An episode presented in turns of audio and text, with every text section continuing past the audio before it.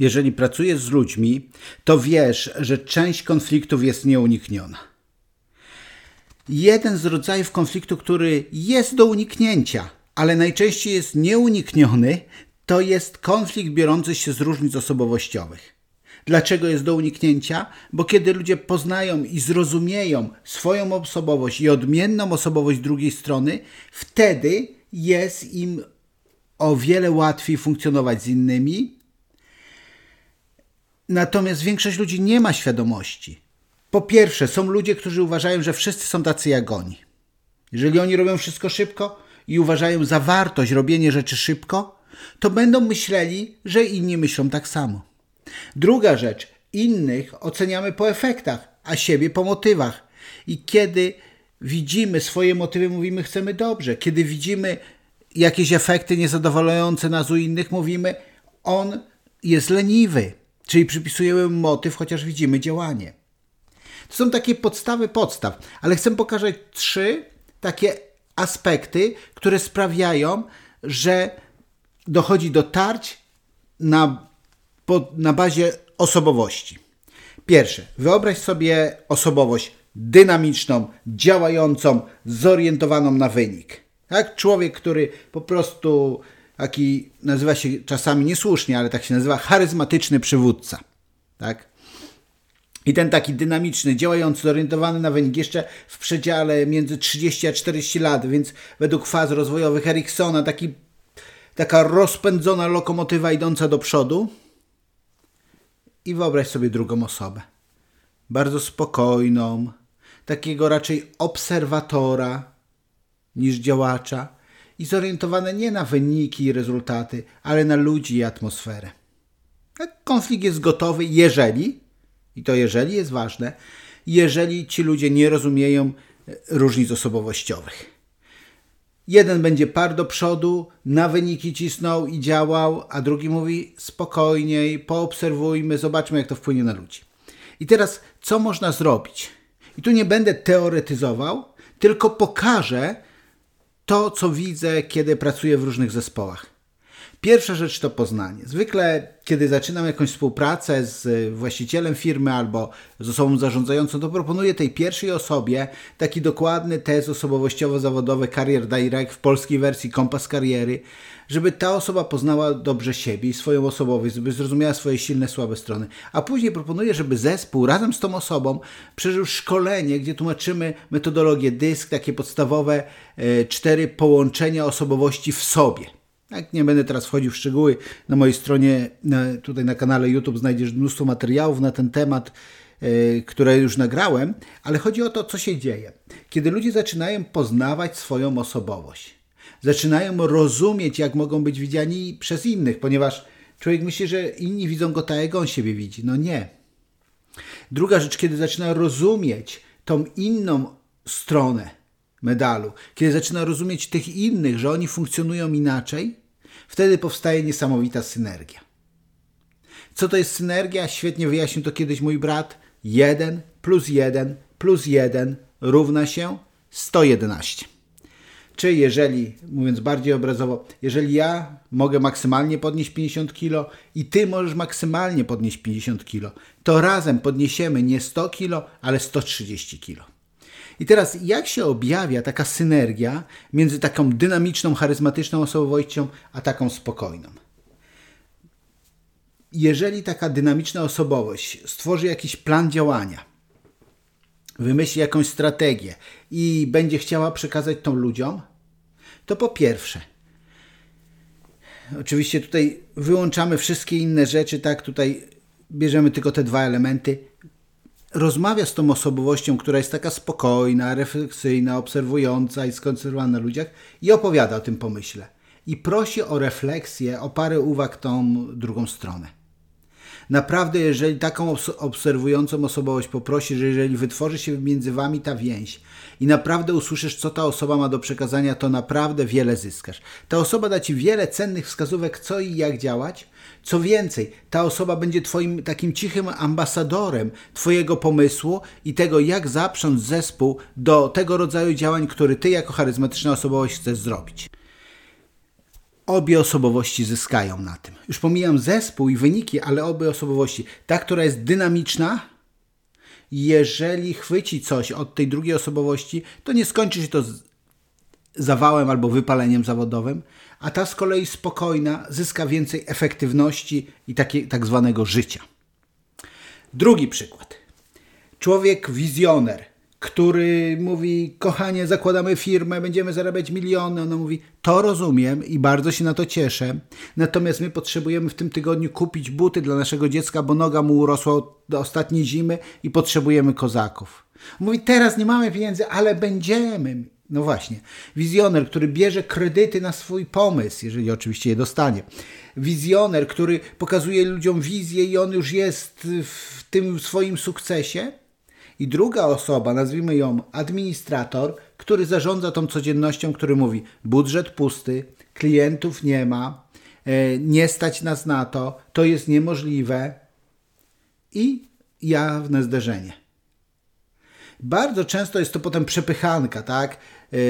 Te ty i te twoje pomysły, przez nie jesteśmy w długach. Ty i te twoje lęki, gdyby tylko kierował się twoimi lękami, to nigdy byśmy nic nie zrobili. No właśnie. I często, kiedy dochodzi do takich zgrzytów, konfliktów między tymi dwoma osobowościami, osobowość taka wizjonerska znajduje stratega. Kogoś, kto mówi: Słuchaj, zrobię plan. I teraz wizjoner ze strategią, jak się nakręcą. Ten ma wizję, jak to będzie wyglądało. Ten robi strategię i nakręcają się. I zwykle nic z tego nie wychodzi. Ponieważ ta osobowość, o której mówiliśmy wcześniej, administrator, jest po to, żeby powiedział: Chłopaki, a teraz przyjrzyjmy się temu z boku. Wyliczmy, ile to będzie kosztowało i tak dalej. I tu często wizjoner ze strategiem uderzają w zasadę dwóch trzecich. Czyli wszystko trwa dwa razy więcej czasu niż się, zaplan- niż się zaplanowało i kosztuje trzy razy więcej niż się zaplanowało. I do tego jest administrator.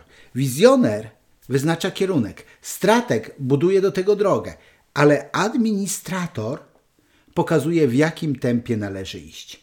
I dopiero kiedy wizjoner ze strategiem y, stworzą coś, dadzą to do kontroli administratorowi, administrator im to odda, oni wrócą z poprawkami i w końcu dogadają się w trójkę, wtedy jest czas, żeby dać to tak zwanemu działaczowi, czyli wdrożyć to w życie.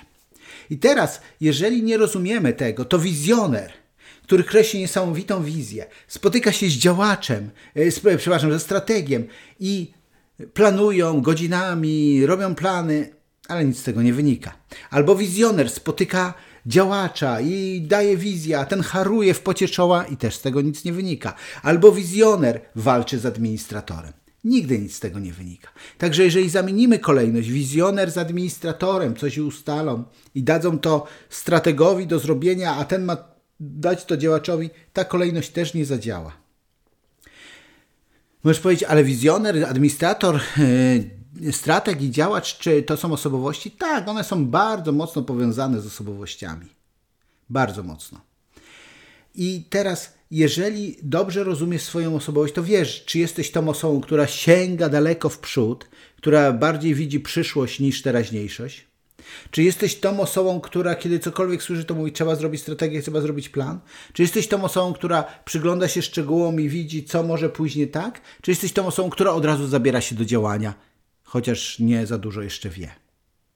Właściwe zrozumienie siebie to jest jedno, ale ustalenie kolejności, czyli wizjoner, strateg, potem rozmawiając z administratorem, ten proces się powtarza, czyli administrator daje im do poprawki plan, a oni wracają w końcu dogadują się w trójkę i dopiero wtedy jest działanie.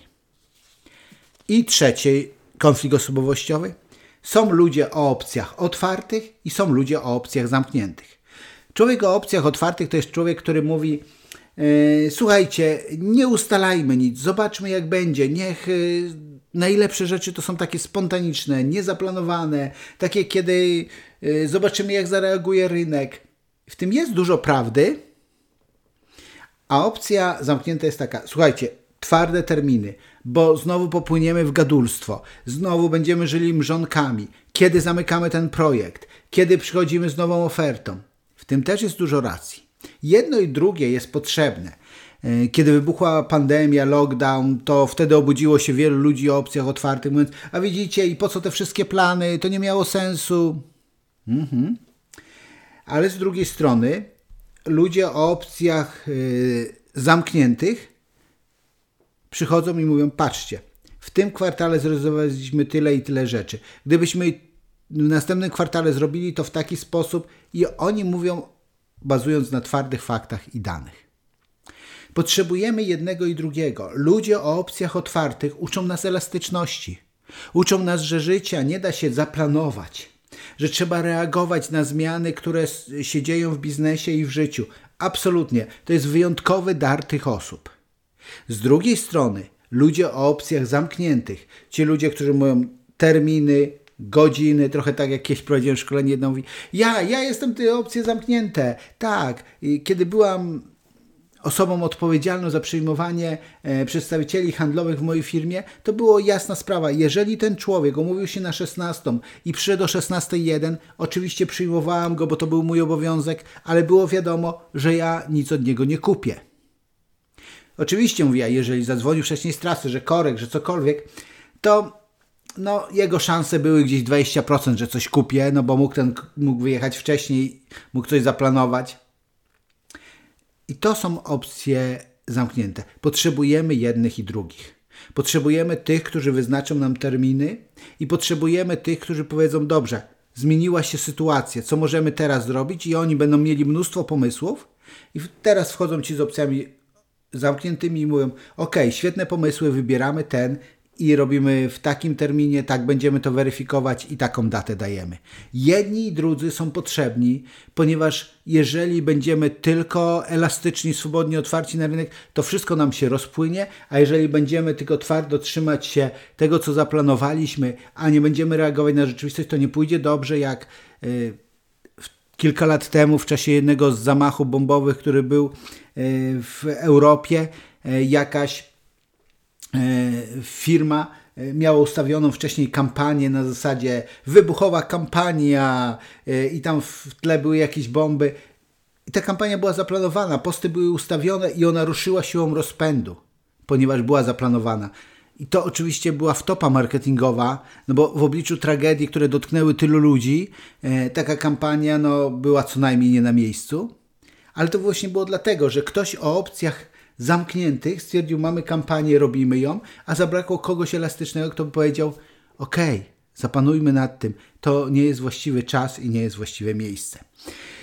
Jeżeli jesteś osobą, która zarządza swoimi ludźmi, to trzy rzeczy potrzebujesz wiedzieć. Po pierwsze, potrzebujesz znać bardzo dobrze swoją osobowość i tutaj, jak wiesz, polecam test kompas kariery. Druga rzecz, potrzebujesz dobrze dobrać ludzi w zespole, nie tylko pod względem umiejętności, ale też pod względem osobowości, na osobowość człowieka i osobowość zespołu. I trzecia rzecz, przynajmniej na podstawowym poziomie, czyli metodologii DYSK, potrzebujesz znać osobowość ludzi, z którymi współpracujesz, a najlepiej, żeby Twój zespół albo cała Twoja organizacja, firma znała, miała tą samą terminologię, tą samą metodologię i mogła się w ten sposób dogadywać. Jeżeli chcesz zrobić bezpłatny test i poznać poziom swoich umiejętności zarządzania ludźmi, to pod tym nagraniem znajdziesz link, który doprowadzi Cię do tego testu. Dzięki za wysłuchanie i powodzenia w zarządzaniu ludźmi. Dbaj o siebie i swój zespół.